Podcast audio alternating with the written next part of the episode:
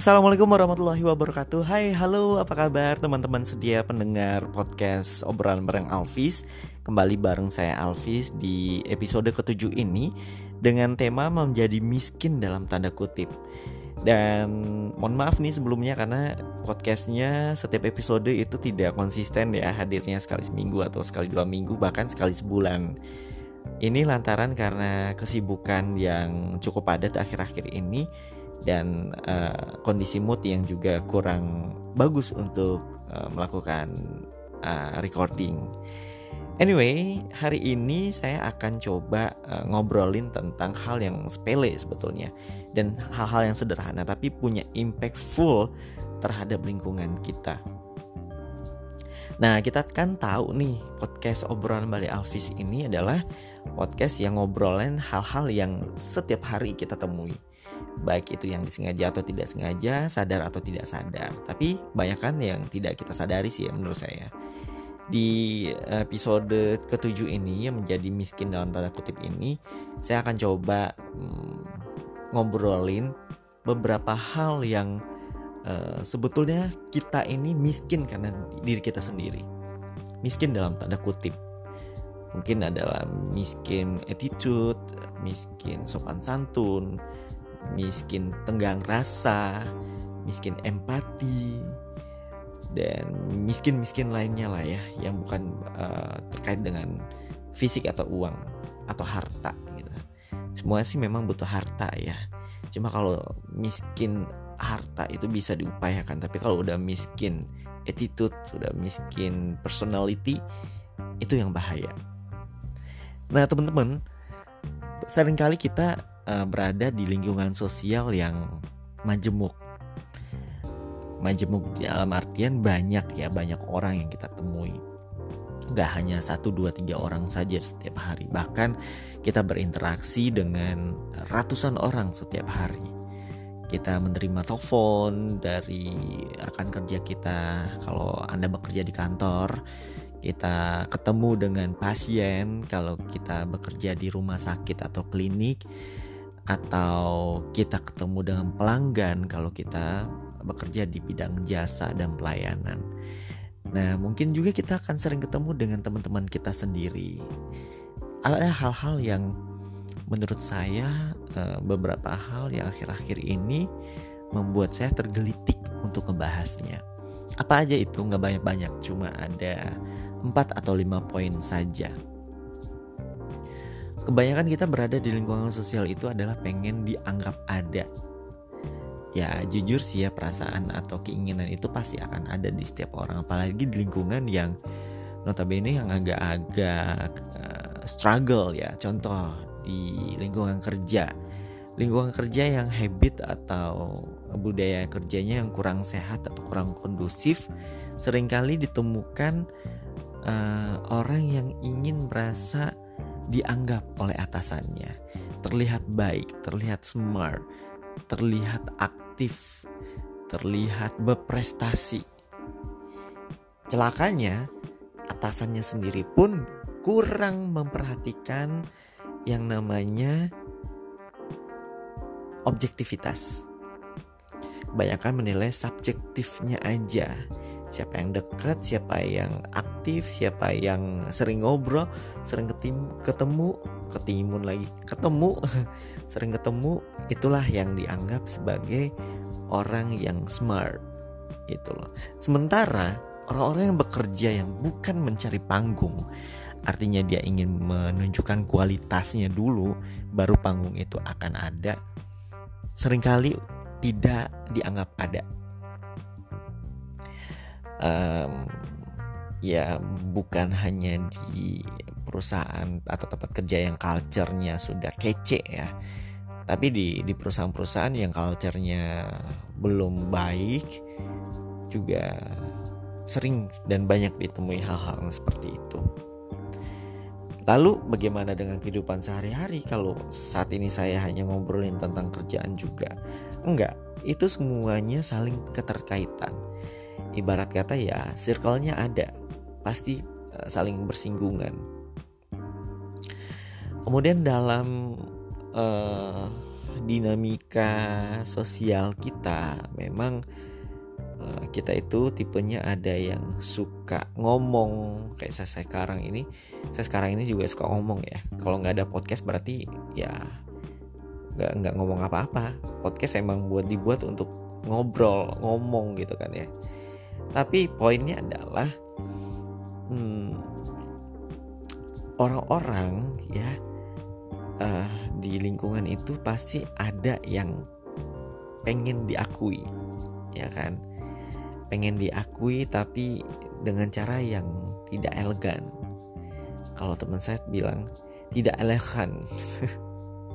Ini banyak nih.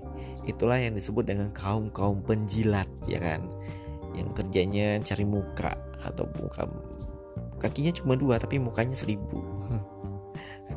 Mending kelabang. Kakinya banyak kepalanya cuma satu mukanya cuma satu. Tapi kalau manusia kakinya dua tapi kepalanya banyak mukanya banyak.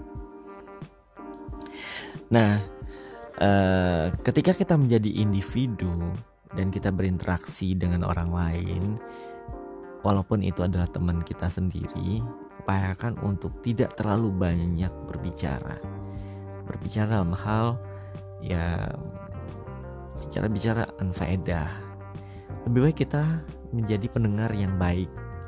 Pendengar yang baik banyak menerima masukan banyak menerima tanggapan respon dari luar diri kita.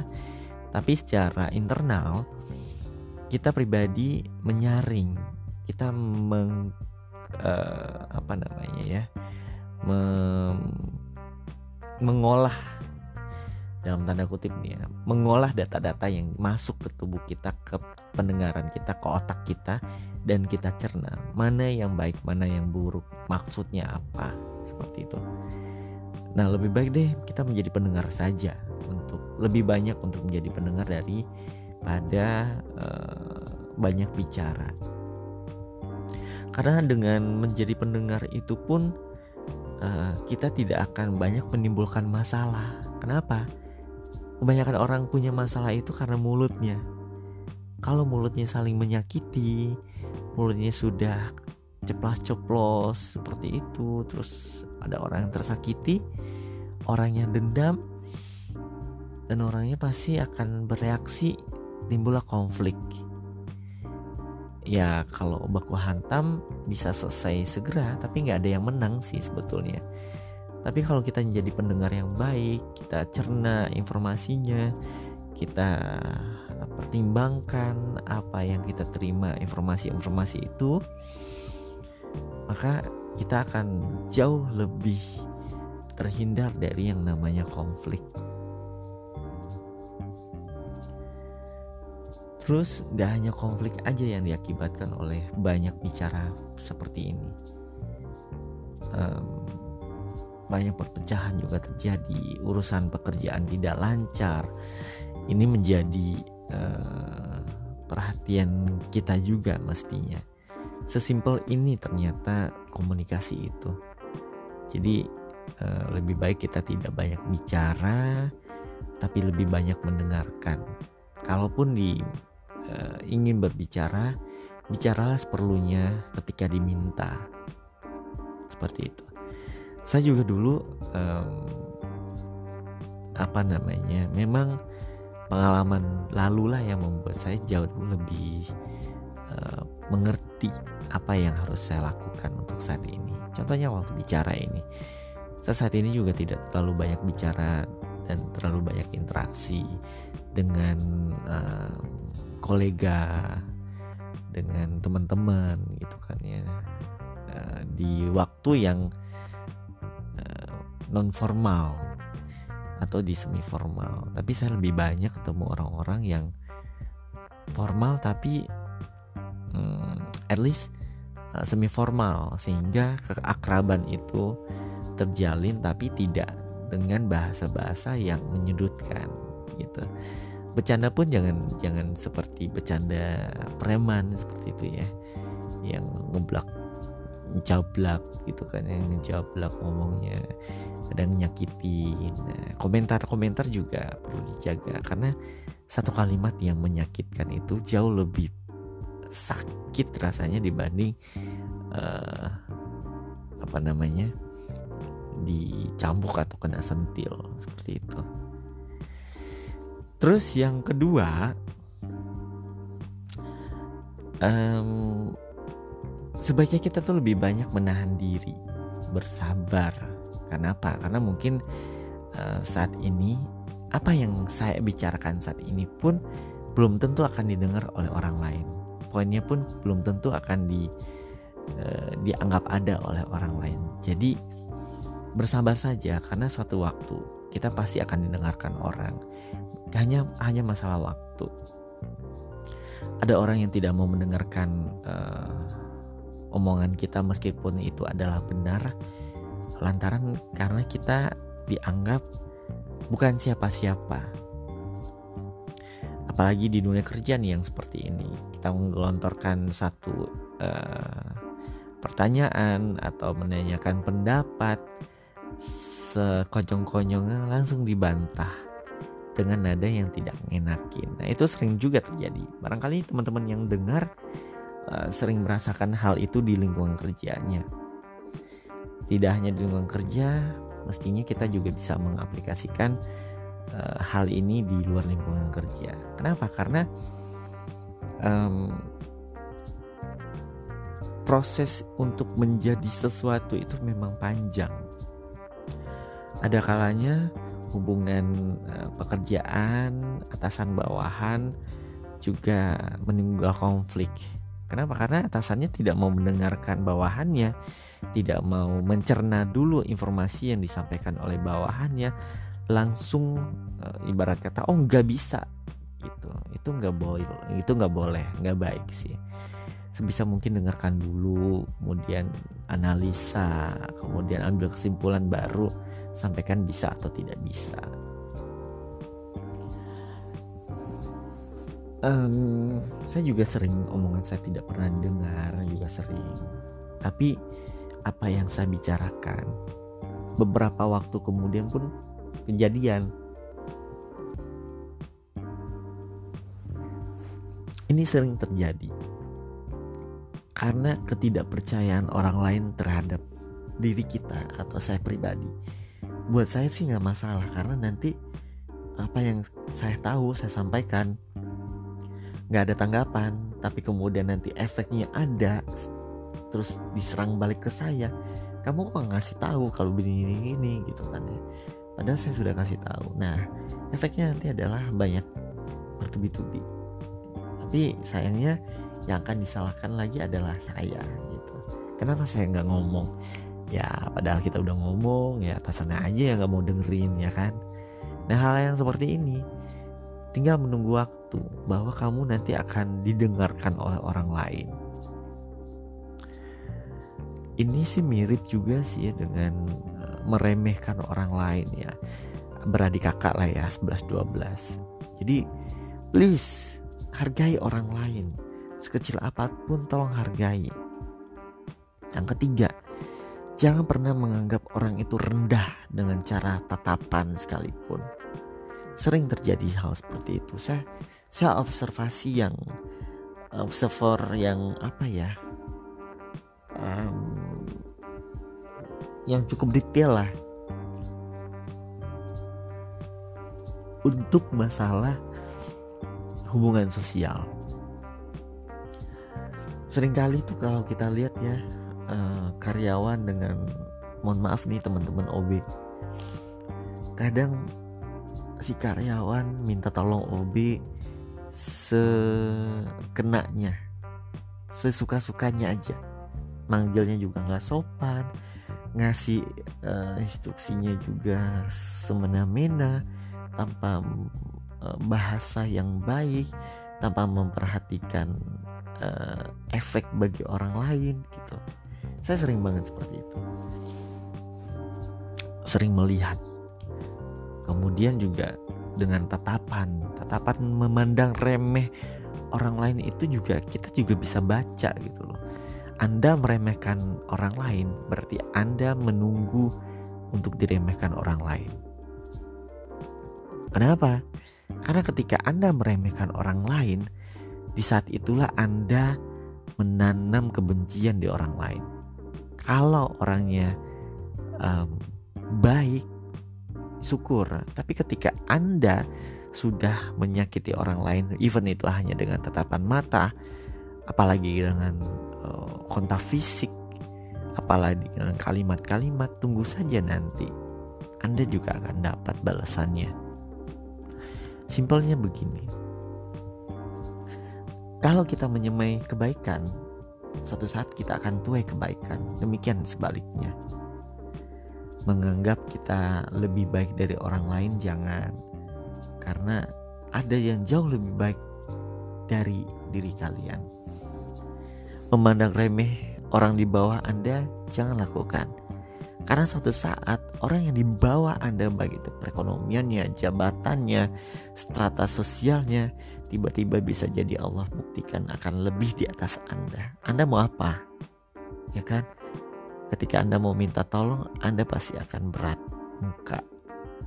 Kecuali Anda nggak punya muka, Anda bisa tiba-tiba minta tolong ke orang-orang yang pernah Anda injek-injek sebelumnya. Ya kan? Itu banyak banget terjadi. Jadi pesan saya jangan pernah sekali-sekali merendahkan orang lain dengan cara apa pun saya berkali-kali merasa direndahkan orang lain tapi it's okay. Sometimes one day saya akan memperlihatkan bahwa suatu saat lo yang merendahkan saya akan minta bantuan saya seperti itu. Tapi saya um, tetap akan bantu, tetap akan sapa, tetap akan interaksi. Tapi mohon maaf untuk anda yang pernah seperti itu, saya maafkan, tapi saya tidak akan bisa berubah ke Alvis yang sebelumnya Anda kenal. Agak curah dikit dong ya. Lalu kemudian terkait dengan rezeki, ya kan? Rezeki di sini banyak orang yang rasa ya saya kan orang miskin, saya nggak punya uang. Pokoknya jangan pernah compare atau membandingkan kehidupan keuangan Anda dengan kehidupan keuangan orang lain. Karena masing-masing kita itu berbeda. Berbeda kebutuhannya, berbeda pekerjaannya, berbeda penghasilan, berbeda kekayaannya, ya kan? Bagi orang yang kaya is okay. Tapi kalau Anda sudah kaya, jangan pernah meremehkan orang yang belum kaya di bawah Anda. Ya, Hmm. Satu lagi. Jaga. Jaga kalimat-kalimat kalian terhadap orang lain. Jaga sikap kalian terhadap orang lain.